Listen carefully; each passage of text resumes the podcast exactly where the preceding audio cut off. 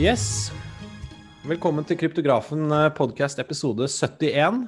Akkurat nå handler kryptomarkedet over eh, i markedsverdi 1 trillion dollar. Og den toppet vel ut på 750 milliarder dollar i 2017 og 2018. Og da vi slapp vår siste podcast-episode, så var bitcoin i 23 000 dollar, og i dag handler den 39 000 dollar. Og det, Av den grunn så har vi selvfølgelig eh, invitert inn analytiker Bendik Skei fra Arcane Research for å snakke litt om markedet, og en hel rekke gode leserspørsmål. Hvordan går det med deg, Bendik? Bare bra. Veldig hektisk nå etter nyttår, selvfølgelig. Med tanke på hvordan markedet går og interesse på alle fronter, også for oss i research. Det er mye arbeid, men det er bare moro. Ja, Det var vel ikke en overraskelse at du, du kom ikke tilbake på kontoret og bitcoin sto, hadde doblet seg siden før du forlot det? Du, du hadde vel fulgt med litt? ja, nei, det blir nok litt uh, titting på grafer over jul også. Så ja, ok, Det er bra. Så, men uh, Helt i begynnelsen av episoden her så tenkte vi skulle gå gjennom litt fra, fra research-rapporten dere har utgitt nå, som selvfølgelig fokuserer på akkurat det uh, lytterne er opptatt av, som er da bitcoin, bevegelsen, totalmarkedet og, og, litt ulike ting der. Um, kan du fortelle litt om liksom, Alle snakker jo om at institusjonene er på vei inn. Det har de vært nå snarere et år. Uh, og Det betyr jo at de plattformene der de handler, f.eks. som CME, Chicago Mercantile Exchange, som er en futures-børs uh, over 100 år gammel, uh, kan du fortelle meg litt om utviklingen der? Er det, noe, det noen observasjoner? Mm, det er jo det er veldig interessant det her, fordi vi i hele 2020 så fant vi grafer, fant data på at nå begynner de å komme. Nå begynner de store gutta, nå kommer Wall Street. ikke sant? Nå er de på vei inn. Vi så at volumene steg på CME, vi så at uh, volumene steg på andre institusjonelle plattformer, men nå er det på en måte nå er det ikke noe tvil i det hele tatt. Nå er CME, som er en helprofesjonell og regulert plattform for eh, ja, profesjonelle aktører, det er det største futures-markedet for bitcoin per i dag nå. Det har flippet nå over jul de andre, andre største markedene, altså Binance og der hvor alle andre typer aktører er. Nå er det rett og slett størst. Eh, og det er over to milliarder dollar som er i åpne posisjoner på CME nå. Og Det som også er veldig interessant å se med CME, er at det, eh, dette var jo rundt en milliard eh, før jul. og Nå har bitcoin doblet seg, og da har også denne eh, verdien av åpne kontrakter også doblet seg. så Det betyr at folk selger ikke unna, de sitter. Det, veldig, det korrelerer veldig fint med hvor mye penger som er på CME og bitcoin-kursen. og Det er veldig interessant å se at dette er jo helt tydelig folk som har kommet inn og har en lang horisont. Det er godtatt i styremøter og det hele, så det er ikke folk som er inne kortsiktig. Nei, ikke sant. Er, ja, så du vil si at det er det sikreste tegnet på at det er institusjoner som har blitt ikke dominerende, det er vanskelig for da må vi se på totalvolumet, men som i hvert fall har økt tilstedeværelsen i, i bitcoin-markedet veldig tydelig det siste året? Ja, helt klart. og Spesielt det siste halvåret. Vi har hatt masse nyheter. Eh, men jeg tror på en måte nå at eh, vi begynner å bevege oss over til at eh, Eller det kan vi snakke mer om, men det er veldig tydelig tegn på at nå er småsparerne også på plass igjen, og vel så det. Og der har vi jo på en måte noen uh, indikatorer for å, for å trekke interessen blant retail. Uh, har du noe på de punktene der? Eller? Ja, altså For det første så ser vi jo på handelsvolumene på alle disse retail- eller småsparerbørsene at de går til himmels. Altså For å gi en et enkelt bilde på det, så er nå volumene på disse mest kjente spotbørsene de er altså dobbelt så høye som de var på toppen i 2017. Vi snakker på de ti største spotbørsene, så er det vel en 13 milliarder dollar. Og beste dagen i 2017 var på rundt 6. Så det er over dobbelt så mye på toppnivåene i handelsvolum. Så det sier bare at det er helt enormt mye penger som flyr inn på disse kryptobørsene nå. I tillegg så er det jo en del aktører som tracker eh, aktivitet på Twitter f.eks. Nye tweets om bitcoin, nye Twitter-profiler som skriver om bitcoin. Det er altså passert alle nivåene fra 2017. Så det er helt klart en helt ny eh, driv rundt å prate om eh, bitcoin. Og også Google Trends. Der er vi faktisk ganske langt unna toppnivåene i 2017. Det er altså da hvor mange som har søkt på bitcoin gjennom Google. Men der er det også ganske eksponentiell vekst nå. Vi begynner å gå rett mot disse nivåene vi hadde i 2017. Så det er mange tegn på at nå er det nye type investorer som kommer inn, i tillegg til da disse store aktørene. og Det har gitt en helt enorm prisoppgang siste måneden, månedene. egentlig. Ja. Og, det, og så er det jo kanskje verdt å nevne at det er ulik risikoprofil her. da. For et fond, et hedgefond som går inn og bestemmer seg eh, ved et styrevedtak eller ved et investeringskomitévedtak om å kjøpe litt bitcoin, de gjør det med en uh, klar risikoprofil, hva de er villige til å tape på det, hva de er villige til å allokere, som kanskje sikkert er godt under 2 i hvert fall for de største fondene, for å si det sånn, og kan håndtere det. Mens på retail-siden så er det et kjempeproblem at man handler både med giring, man vet ikke helt hva man gjør. Man kjøper sent i syklusen. Og liksom, Ser du noen faremomenter eller noen konsekvenser av dette her på sikt? Eh, eller hva? hva? Ja, altså de, det er jo selvfølgelig, som vi har sett uh, siste uken bare, at det er stor volatilitet. Det er uh, store nedtrekk, men de blir, har blitt hentet opp veldig pent siste uken. Men det er veldig tydelig at nå er det også masse belåning igjen inn i markedet. Vi har jo snakket uh, sammen om funding uh, rates tidligere, som er hvor mye disse futures uh, kontraktene handler over spotpris, da, som sier noe om hvor mange som vil eksponere seg mot oppsiden versus da nedsiden. Og de har steget noe voldsomt i perioder nå siste måneden. Og når de stiger høyt, så er det utrolig mange som sitter i belånte posisjoner mot oppsiden. Og når det da kommer en liten trøkk nedover, så blir den ekstremt forsterket ved at folk blir likvidert og kastet rett ut av markedet. Og vi så jo på mandag denne uken så falt jo markedet faktisk hele 20% fra toppen. Men det hentet seg jo veldig fint inn igjen. Og det samme skjedde i natt. Jeg vet ikke om folk har fått med seg det, men vi har vært ned 10% det siste døgnet. Men det har jo blitt hentet opp igjen. Så det er voldsomme svingninger, og det er flere milliarder som blir likvidert om dagen denne uken. Så det er veldig mye belåning og mange som ikke helt vet hva de driver med, som kjører både 20 og 50 og sikkert også 100 ganger giring. og Da blir du tatt ut på alt fra 1 til 5% svingninger. Ja, En god tommelfingerregel fra, fra, finansbransjen eller aksjemarkedet er jo at når man opplever økt volatilitet, eller større utslag, at det begynner å slå mye hardere, Eh, så er det et tegn på, på, usikkerhet. Og da kan det bryte både begge veier, men mest sannsynlig ned. Fordi eh, aktørene sliter med å prise det. Og, og eh, ja, man, folk blir tatt ut av stopper, og belåningen begynner å ryke. Og folk skal ha høyere marginkrav osv. I hvert fall de som er på sånne dynamiske marginkontoer. Da. Så, mm. Og så er det jo også interessant dette med at når det kommer nye inn, som er småsparere som ikke vet så mye også, disse har jo såkalt altså det man holdt på å si, kalle svakere hender. Så hvis prisen begynner å falle, så blir, så blir det mye frykt veldig fort. ikke sant? Så da har man jo sett historisk at det kan bli litt sånn bobleaktig på, på chartet da, og i prisutviklingen. Men det, jeg syns det er litt mer vanskelig å si akkurat hvor boblete det kan bli nå. fordi hvis det er mye profesjonelle penger som har lengre horisont, så er det vanskelig å si hvor mye småsparerne kan flytte prisen ned eh, og selge unna uten at det blir plukket opp av da, disse store selskapene som vil ha en liten posisjon. Men eh, ja, vi kan vel snakke mer om hva vi tenker. Fremover. Ja, jo, jo, nei, men altså, vi, vi, Det var jo en fin uh, overgang til det. Jeg, si. jeg, hadde jo, jeg ble jo intervjuet av Dagens Næringsliv her for et par dager siden. og Mm. Klarte da Jeg forsøkte å uttrykke meg litt moderat og se ting fra flere sider. Og, og snakke om litt at vi er i en veldig hype-syk syklus, og den hypen eh, den plutselig så er den ikke like potent lenger. Altså nyheter rundt kjendiser som kjøper, at institusjoner øker eh, på en måte beholdningen sin og sånn. Liksom, plutselig så begynner det å avta litt, og da, og da, går vi i en korreksjon, da. Selvfølgelig overskriften ble jo 'vær forsiktig', og det snart kommer en korreksjon, men det er jo ofte sånn det er. Eh, men jeg står faktisk litt med det, da. Altså at det å selge i en sånn euforisk oppgangsperiode er jo, kan være lurt på et tidspunkt. Og jeg vet at det kommer til dels kraftige reaksjoner på nedsiden på et eller annet tidspunkt. Det, det, det kommer ikke til å fortsette å gå slik. Det er, ingen, det er, aldri noen som har gjort det i hele, i hele uh, historien. Men, uh, men, hva tenker du?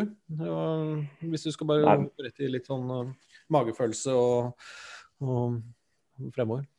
Mm, nei, Du har jo veldig rett i det at det er ingenting som går går rett opp. Og vi har, har, hatt korreksjoner historisk i disse veldig oppgangsperiodene, og de har vært på både 20, 30, 40 og 50 så Det er vanskelig å si hvordan de vil se ut nå, men det handler jo litt om profilen til en investor. ikke sant? Hvis du er en trader og har mye belåning, så er det kanskje litt sånn når du ser sånn som prisen stiger nå, pass på belåning, ta ned belåning, sitt heller spot, altså sitt heller uh, uten belåning hvis du har et langsiktig syn. men Uh, det er, det er, ikke til å unngå at vi kommer til å få noen korreksjoner. Men om det kommer nå på 40, om det kommer på 45 eller 50, eller om Det er vanskelig å si, men de kommer. Så jeg, mitt hovedråd er vel egentlig å være forsiktig med belåning. Men har du en horisont på, på flere år, så handler det jo bare om å å si, eh, ta posisjoner over tid og spare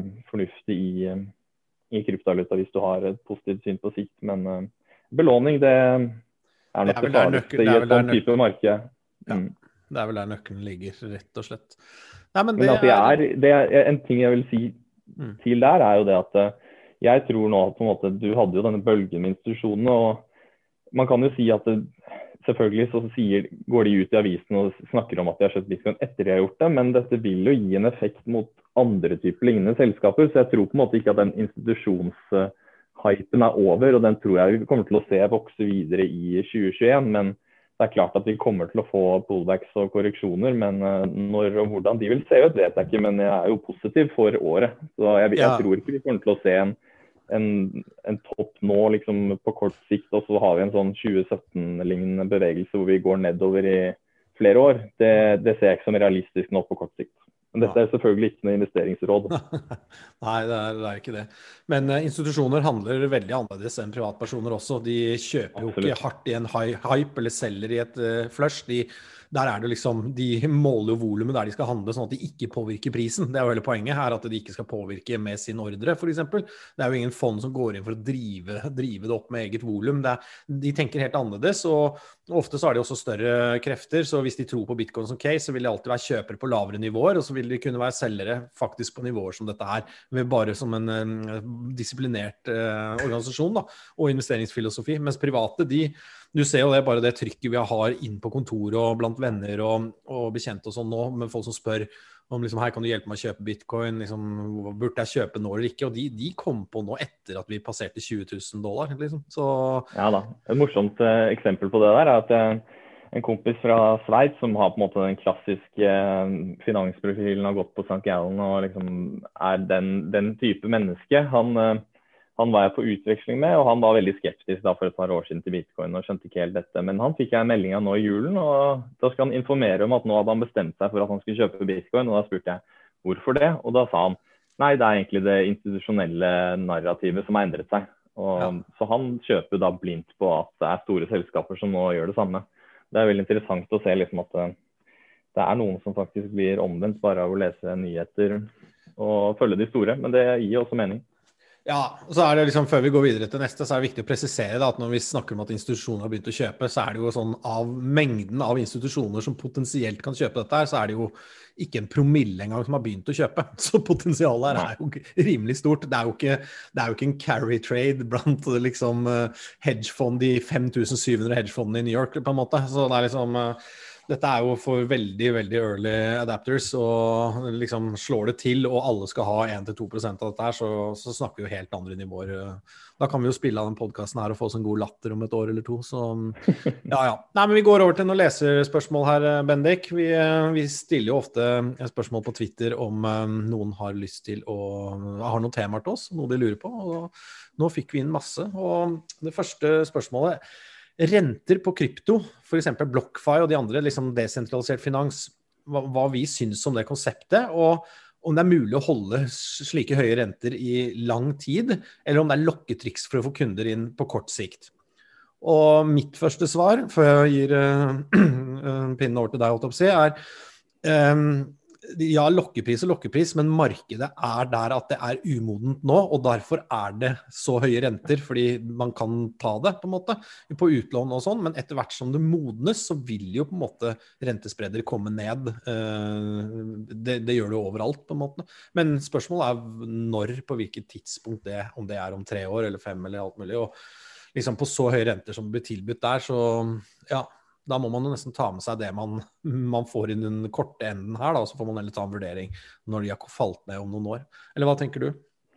Nei, Jeg synes jeg, er veldig, jeg er veldig enig i det du sier om at uh, det er fortsatt veldig mange gode muligheter. Og sånn som BlockFi, som tilbyr da 6 årlig for, uh, i rente på at du setter inn bitcoin dine, det er bare et resultat av at de kan låne dine bitcoin dyrere til noen andre på andre siden. Mm. Det er altså fortsatt mye gode muligheter i markedet. Market makers som trenger likviditet for å utnytte arbitrasjemuligheter og ta sånne carry trades, bare ved å ta forskjellen f.eks. For mellom uh, forskjellige typer kontrakter. Og det er altså masse muligheter fortsatt, så jeg tror på en måte ikke dette er noe som kommer til å endre seg veldig på kort sikt. Det er klart at nå har renten hos, Bitcoin, nei, renten hos BlockFi på 6 ligget der eh, ganske lenge. Og du kan ha altså opptil 2,5 bitcoin med 6% rente. Og bitcoin har doblet seg siden de dette ble innført. Så jeg tipper de kommer til å nedjustere litt, men kanskje at du fortsatt får 6% på ja, to bitcoin i et års tid frem i tid. Det tror jeg fortsatt er mulig, men det er jo et veldig interessant klima når det er eh, nærmest null renter eh, alle andre steder utenfor dette spacet. På, på en måte mm. bare ha, si, ha, penger i banken. Det er jo mange som ser på BlockFi som en type kryptobank, og de tilbyr jo enda høyere renter om du setter inn dollar der. Da får du 8% i året. Mm. Altså stablecoins-versjoner. Mm. Så ja, dette er absolutt ikke et lokketriks den dag i dag, fordi de faktisk kan låne det ut dyrere på andre siden. Det er faktisk bare en modell som sier at uh, det er bare kalkulert, kalkulert, fra de. Så lokketriks tror jeg ikke det er, men det er klart at de på sikt vil gå ned når markedet blir mer modent. Men vi har jo fortsatt ingen ETF-er. Det er fortsatt veldig få måte, produkter inn mot uh, kryptovaluta for å gjøre markedet enda mer eh, hva skal vi si, effektivt. Så Effisient, ja. Mm. Ja, nei, men, det, men, jeg tror du svarer på det. Eh, det er liksom vanlig, altså, det, Hvis du ser på sånn Uniswap og de andre desentraliserte finansproduktene, da, der du får en viss avkastning i form av fees og sånn for å stille pool, så er jo dette automatiserte kontrakter som bare er et derivat av hverandre. Så det er jo ikke noe, du kan ikke lokke noe der, på en måte. Det er bare et funksjon av, av aktivitet og tilbud og etterspørsel, rett og slett. Så mm. det, er jo, det, er jo, det som er det, det fine med denne blokkjeden, da, vet du. ja, absolutt det er veldig transparent på mye av det der. hvor mye, og Det er ofte grafer på liksom, når vi når det nivået, så går renten ned til det. og det er veldig, Så der kan man gjøre litt research på hva som er mulighetene. Ja, og så var det spørsmål her. Skal vi se, Det er listet over 2000 mindre kryptovalutaer på CoinGecko. Hvor mange prosent av disse er til stede om fem år, og hva tror du om utviklingen i markedet ved siden av BTC og ETH, holdt opp ved siden av bitcoin og Ethereum, i årene som kommer? Så basically så regner, tolker jeg spørsmålet dit hen at du skal kommentere på en måte en bråte med mindre kryptovalutaer. Um, hvis jeg skal bare hoppe i det først, eh, så det er umulig å forklare det. Eh, eller svare noe egentlig fornuftig på det, for det er jo så ulike prosjekter. Jeg tror heller man kan bruke litt tid og se på de, og lære seg de ulike segmentene, og så gå ned i de ulike casene. For liksom, den listen her består av veldig um, forskjellige kategorier, rett og slett. Det er alt fra NFT-leverandører til uh, børscoins, til desentraliserte DEX-coins, til uh, privacy coins, til ja, Skaleringsløsninger har vært populært nå i over lang tid. Uh, uh, ja, så det er liksom det er veldig mange ulike kategorier, og så er det ulike satsinger i de ulike kategoriene igjen. Så det er, en, det, er, det er, på en måte en grunn for at de er der. Men så er det også da selvfølgelig en stor bråte som er svindel, og som er egentlig døde prosjekter der det nesten ikke jobber folk, og som hentet penger i 2017, og som på en måte ikke gjør noe mer enn bare å være listet der og ha en verdi. da. Så, så det er jo ikke helt klart at liksom man må, man må, skille dette her. Man kan ikke liksom, det er ikke en samlebolk, da. Det var mitt innspill. Uh, å se på liksom 2000 ulike kryptovalutaer under ett. Det blir litt feil. Ja, absolutt. Og så tenker jeg at uh, et spørsmål er jo mange av disse som er til stede om fem år, men et annet spørsmål er jo hva er verdien på disse om fem år? Uh, og jeg vet ikke om jeg tror det er så veldig mange enn de som ligger liksom på Jeg vil ikke si noe konkret tall, men liksom de som er topp listet i dag som på en måte har en verdi som coin. Problemet med mange kryptovalutaer, eller det man eh, som blir listet som kryptovalutaer på disse oversiktssidene som CoinGecko, er jo at eh, det er ikke nødvendigvis noe use case for token. Det er mange som bruker det som på en måte eh, for å skaffe seg penger til sitt prosjekt, ikke sant? som vi så veldig under ICO-boblen. Og på en måte lager en token når du egentlig ikke hadde trengt det. Men det er som du sier veldig mange forskjellige segmenter her. og Det vil alltid dukke opp nye spennende ting. Og jeg tror det er veldig dumt, eh, som jeg vet en del gjør, som sier at det, liksom, det er bitcoin og alt annet er uh, shitcoins som kommer ikke til å eksistere. For det er ikke sant. Det kommer til å fortsette å være innovasjon, og det er ting som kommer til å være både lukrative investeringer og også gode produkter eller kryptovalutaer da, som har en utility og en bra use case. Ja, men Se på desentralisert finans. da, Det eksisterte jo nesten ikke for to år siden, da alle maksimalistene kalte alt for shitcoins, og så plutselig oppstår det et segment som faktisk har inntjening og forretningsmodell. da. Du kan ikke, ja, ja, og det er, jo, det, det er jo en reell business, på en måte. Og, og, du kan kjøpe deg eksponering. I hvert fall Uniswap og de tingene. Det er jo Compound. Det er jo, dette er jo knallbra prosjekter i mine øyne, som, som, har oppstått nylig, eller i hvert fall notert seg nylig, og, og, og gir en viss type avkastning eh, som du kan regne. Ja, og det er jo nye, nye, finanstjenester, og det er jo klart at det er her for å bli. De forenkler jo hvordan banksystemet fungerer i dag, og gir nye muligheter. Eh, mm.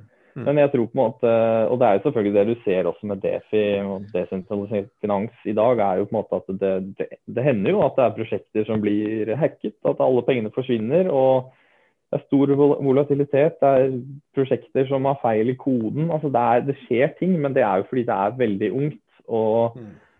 Det er sånn det kommer til å være i en uh, ung fase, men det er jo på en måte her et revolusjonerende nytt felt. Så det er, jeg tror hvis vi skal liksom skal se sånn utviklingen i markedet ved siden av bitcoin og Ether, Ethereum, så tror jeg på en måte at uh, det er selvfølgelig masse som kan lykkes, men uh, jeg tror i hvert fall uh, dette Defi-spacet det skal fortsette å vokse ganske markant mm. fremover. Mm. Hvis det ikke gjør det, blir jeg overrasket.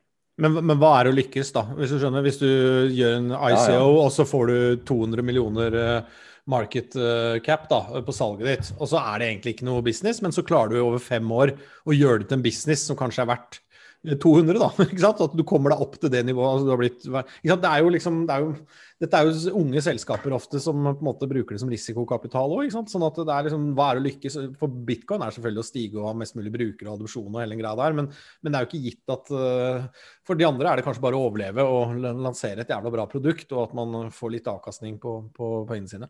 Men neste mm. punkt her, tror jeg, der ble vi enige om å hoppe litt over, men vi kan jo bare være så kule mot lytterne og si at vi ikke vet. Det er da Defi impairment loss med hensyn på skatt. Så hvis du ikke har noe veldig gullkorn der nå, Bendik, så For det vet ikke jeg noe særlig om. Det blir Noen skatteekspert, men det er spørsmålet det går vel inn til dette at du setter inn verdier i disse likviditetspoolene. Da, så endrer da asset-verdien seg når du har det lagret eller satt inn i en sånn eh, likviditetspool, og så blir det da et tap fordi den arbitrasjen ikke blir tatt ut før du igjen tar dine assets uh, ut av denne poolen igjen. Så mm. Men skattespørsmålet det vet jeg at noen andre et eller annet sted i landet vårt kan svare veldig mye bedre på enn akkurat meg. Hmm. Ja, men fordi det er kontinuerlige transaksjoner der som gjør at du hele tiden får kjøp og salg? Eller ikke? Ja, men vi skal ikke bruke så mye hmm. tid på det. Det er bedre å ta inn faktisk en skatteekspert. Og nå utover våren nå så blir det jo skattetid, og da kommer vi til å ta på sikkert en eller to. En fra skatteetaten og en fra uh, en av disse tjenestene som kan regne ut uh, skatt for deg. Uh, ja, så, det høres ut som en bedre løsning. Ja. Uh, også Ledger Hack. Det er det snart old news, eller er det noen konsekvenser som vi kan lese om i dag som er på en måte litt aktuelt? Kan du fill oss inn, uh, Bendik?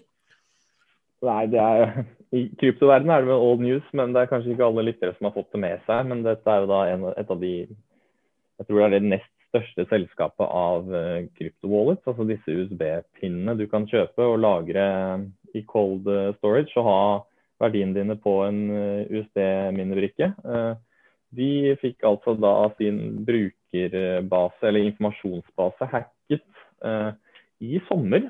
Jeg er ganske sikker på at denne hacken skjedde, men disse listene da, ble nå publisert rett før jul. og Da var det én million e-poster som ble publisert. Og det var også over 250 000 navn med da full adresse ja, navn, adresse og også telefonnummer og e-post. Så det, er, det, var en ganske brutal uh, brutal uh, Hva skal man kalle det? det var kjempe, hva, det blir et kjempeproblem for ja, Det er vanskelig å si. Det er noen som mener at liksom, Ledger som selskap må bli saksøkt av brukerne, eller om myndighetene skal bruke, bryte inn her. Men akkurat hva som kommer til å skje der, vet jeg ikke. De har gått ut og sagt unnskyld, men de har sagt de ikke skal returnere noen form for, eller, noen form for, eller gjøre noen form for erstatning her.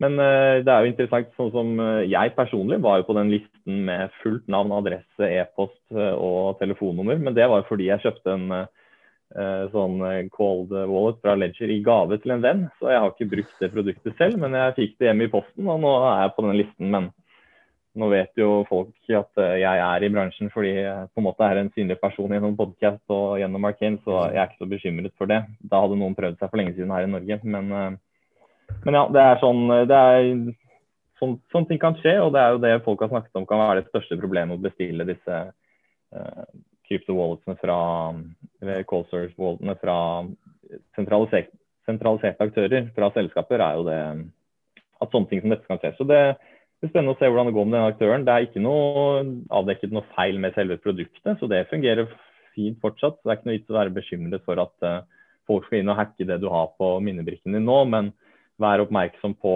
e-poster som kan komme inn, telefoner hvor folk prøver å lure deg, at de er da fra selskapet. Eller så er veldig forsiktig med Hvis man finner seg selv på denne listen og Ta gjerne kontakt hvis du vil ha den, for den har vi jo tilgjengelig. Den ligger ute offentlig, så vi kan sende den på en rundt. Så vær forsiktig. Folk kan prøve å lure til seg mer informasjon om deg gjennom det de har funnet nå på nett. Det er helt riktig. Og så går vi mot de to siste spørsmålene. Den aller siste er min favoritt, men vi, vi skal ta for oss um, en litt sånn generell vurdering her. Skal vi se, Hvilke vurderinger tanker har dere om utviklingen på BTC og ETH? Finnes det noen tydelig relasjon med spesifikke hendelser eller andre konkrete triggere, slik dere ser det? Utviklingen vi har vært inne i, kanskje eh, det beste å ta utgangspunkt i. Og da, ja, Slik jeg tolker spørsmålet, er at uh, hva er det på en måte driverne her? Altså kanskje drivere og triggere uh, for både BTC og Ethereum. Altså, Hoveddriveren her er jo selvfølgelig Akkurat nå er jo en hype, økt oppmerksomhet, flere som ønsker å kjøpe, institusjoner som er på vei inn. altså En helt sånn kjøpspress. Men av regulatoriske ting så ble vel det unnagjort kanskje for et år siden, eh, når de der hvitvaskingsreglene kom. Da ble det jo stuerent for finansinstitusjoner og privatkunder å kjøpe og selge bitcoin uten å måtte vurdere hvorvidt de gjorde noe ulovlig eller ikke. Um, er inne på riktig bane nå, tror du, Bendik? Vi får kaste litt ball på det spørsmålet. Absolutt. Jeg tror også inn mot bitcoin så er det viktig å nevne dette med Det er jo mange som på en måte har eh, lagt vekt på dette med supply shock i det siste. Fordi det er man ser Man kan jo Det er det fantastiske med blokkjeden, er at du kan faktisk se bitcoin som går ut og inn av børsene. Og du ser jo at nå går det ekstremt mye bitcoin ut. Altså at Bitcoin forsvinner fra Børsene tømmes på bitcoin. Det blir mindre tilgjengelig for folk. Folk eh, sender det til cold storage. Det er tydelige tegn på at det er store OTC-dealer fra institusjoner som da blir gjennomført f.eks. på at det blir kjøpt opp veldig mye bitcoin på Coinbase, og så sendes det da flere titalls faktisk tusen bitcoin ut av børsen. Og det blir på en måte mindre tilgjengelig Eh, så det, det, glemte jeg å nevne i sted, men det tror jeg også har vært en veldig viktig driver nå. At det er, det er rett og slett eh, mindre tilgjengelig. Tilbudet er mindre. Pengene, eller krypto, mm. bitcoinene, coinsene, forsvinner ut eh, av børsene. Det blir mindre, mindre tilgjengelig. og det når det er et fast, uh, fast altså det er en gitt mengde, så når det blir mindre tilgjengelig for handel på markedet, så vil det selvfølgelig det gi en effekt hvis etterspørselen øker. Men jeg syns også en, en, interessant ting eh, å nevne inn mot uh, Ethereum og Ether er jo faktisk at nå i februar så skal jo CME, som er da de som er størst uh, institusjonelle, som vi nevnte i starten av episoden, de skal liste Ether Futures nå i februar. Så det er jo interessant interessant, en interessant hendelse som kommer nå neste måned. og Om det blir et eh, rush i Ethereum frem mot det. Altså, når bitcoin ble listet på CME, det var jo det som markerte toppen i 2017. Det kan være tilfeldig, men det er jo i hvert fall en interessant ting å følge med på. At nå blir eh, Ethereum også ordentlig tilgjengelig for de proffe gjennom eh, Eller eksponering i hvert fall da, tilgjengelig, for det er jo dollarkontrakter der. Så de kjøper jo ikke fysisk, men det kan, det kan, jo på en måte slå begge veier. for Jeg husker i hvert fall kritikerne Absolutt. når uh, bitcoin ble notert. så var det sånn, Da fikk jo alle hvalene og store selskaper som hadde stor treasury av bitcoin, anledning til å hedge seg. Så de var jo noe selgere av futures-kontrakter hver gang de på en måte syntes risikoen økte. Så det la en dempe på kursen, mente noen da. Men akkurat nå er vi jo en hype, så hvem vet. Kanskje det er bare en anledning til institusjoner å kjøpe. så Prisen har gått opp på bitcoin på CME det siste året også, så det er ikke en grunn til at det ikke skal gjøre det på Ethereum. Og Så er det det siste spørsmålet før vi avslutter, og det er hva er det killer application for bitcoin? Og Det er vel ikke akkurat verdens enkleste spørsmål, så har du lyst til å begynne, Bendik? ja, jeg drøftet litt uh, med litt andre kollegaer også, men jeg vil jo si Jeg misforsto først og tenkte her mener han hva som kan drepe bitcoin, men det er vel hva som er ja. the perfect use case. Men uh, det er vel digitalt gull som er på en måte jeg ser nå som er hovednarrativet, og det som driver det frem nå. Jeg tenker liksom at det uh, I den verden vi lever i nå, så er det på en måte veldig hot uh, mm. narrativ å bygge opp rundt bitcoin. Det er en begrenset mengde. og du ser at det er frykt for høy inflasjon fremover, det er null renteklima. Så på en måte Den er veldig attraktiv, og det er derfor vi har sett mye proffe og institusjonelle investorer komme inn. Eh, på, ja, du kan uh, hoppe inn før jeg går liksom hva som kan være nedsiden av digitalt narrativet. sånn, ja, jeg kan jo komme deg forkjøpet der, holdt jeg på å si. For det er jo, når prisen er såpass ustabil også, så blir det jo liksom Den må jo være ukorrelert i større grad med andre aktiva klasser for å fungere som gull. og Uh, jeg vet ikke. Liksom, man kan jo putte på enhver merkelapp når ting går Hvis det går 5X på seks måneder, så kan du jo bruke hvilken merkelapp du bare vil. Men uh, faktum er at det stiger fordi folk uh, etterspør det av ulike årsaker. Men killer application er det noen andre bruksområder. Liksom betaling sånn vi ser det i dag, er liksom, det er for tregt og for dyrt. Så da må man liksom over på Lightning og andre liksom, sånne second layer-protokoller av ulike slag. Da. Det jo, kan jo være en killer app det når det kommer i stand. Vi i Arcane bygger jo betalingsløsning vi for, um, for overføring av både Fiat og, og krypto over landegrenser for mye billigere og bedre for både bedrifter og privatkunder. Så jeg vet mm. ikke. Det er interessant. Vi i research jobber faktisk med en rapport om bitcoin som collateral nå. Altså hvor det på en måte er eh, det du har som sikkerhet. og Det er også et veldig interessant uh, tema. ikke sant? Bitcoin er jo det første som ikke har noen motpartsrisiko. Det er tradet 24-7, så det er veldig attraktivt. Uh, et attraktivt verdiobjekt å bruke som sikring. og jeg tror på sikt Det er derfor vi er så tidlig, så det blir på en måte feil å si killer application i dag. Men det er på en måte på sikt så kommer det til å være veldig mye overføring av penger rundt i verden som kommer til å skje via Eh, bitcoin, men man ser det ikke selv. Fordi du går inn på en eller annen nettside, og så skjer det behind the scenes. ikke sant? Eh, og det tror jeg vi er helt i startfasen av å se at det blir implementert. Og det kommer så smått også, men um, det var veldig godt poeng, faktisk. Så til lytteren der ute, så setter dere gjerne inn i dollar banking system hvordan dollaren fungerer i dag som likviditet som lån og funding for nær sagt alle eh, banker i hele verden. Som også gjør at amerikanerne har et eh, grep om disse ulike bankene. For hvis du skal handle med dollar, og dollarlån og dollarobligasjoner og dollar futures og alt mulig, så du, blir du automatisk underlagt det amerikanske systemet. Og når du forstår hvordan dollaren da blir en en sånn proxy, på en måte. Altså det blir en Du må innom dollar uansett hva søren du gjør i internasjonalt. Så kan bitcoin erstatte det, fordi det er på en måte en trygg, sikker blokkjede som, som, kan erstatte mye av den um, tryggheten som dollar gir da, i, i, banksystemet. Så det var kanskje liksom, det er ikke en perfekt sammenligning, men det er for å forstå mm. konseptet og mulighetsrommet, da, hva bitcoin kan bli, tenker jeg da. Mm. Ja, absolutt. Og dette collateral-markedet og liksom Eh, hva man bruker som sikkerhet som verdiobjekt. Det er enormt marked ikke sant, med obligasjoner. Også. Det kan skje veldig mye her, men det er veldig tidlig ute der òg. Men uh, det jeg også tenkt å skyte inn, som er liksom, uh, litt morsomt, eller ikke morsomt, men som på en måte er bakteppet ved et sånt narrativ rundt digitalt gull, er jo på en måte hva skjer hvis uh, sentralbankene snur? da? Plutselig får du 10% rente i banken i året for å ha pengene dine der.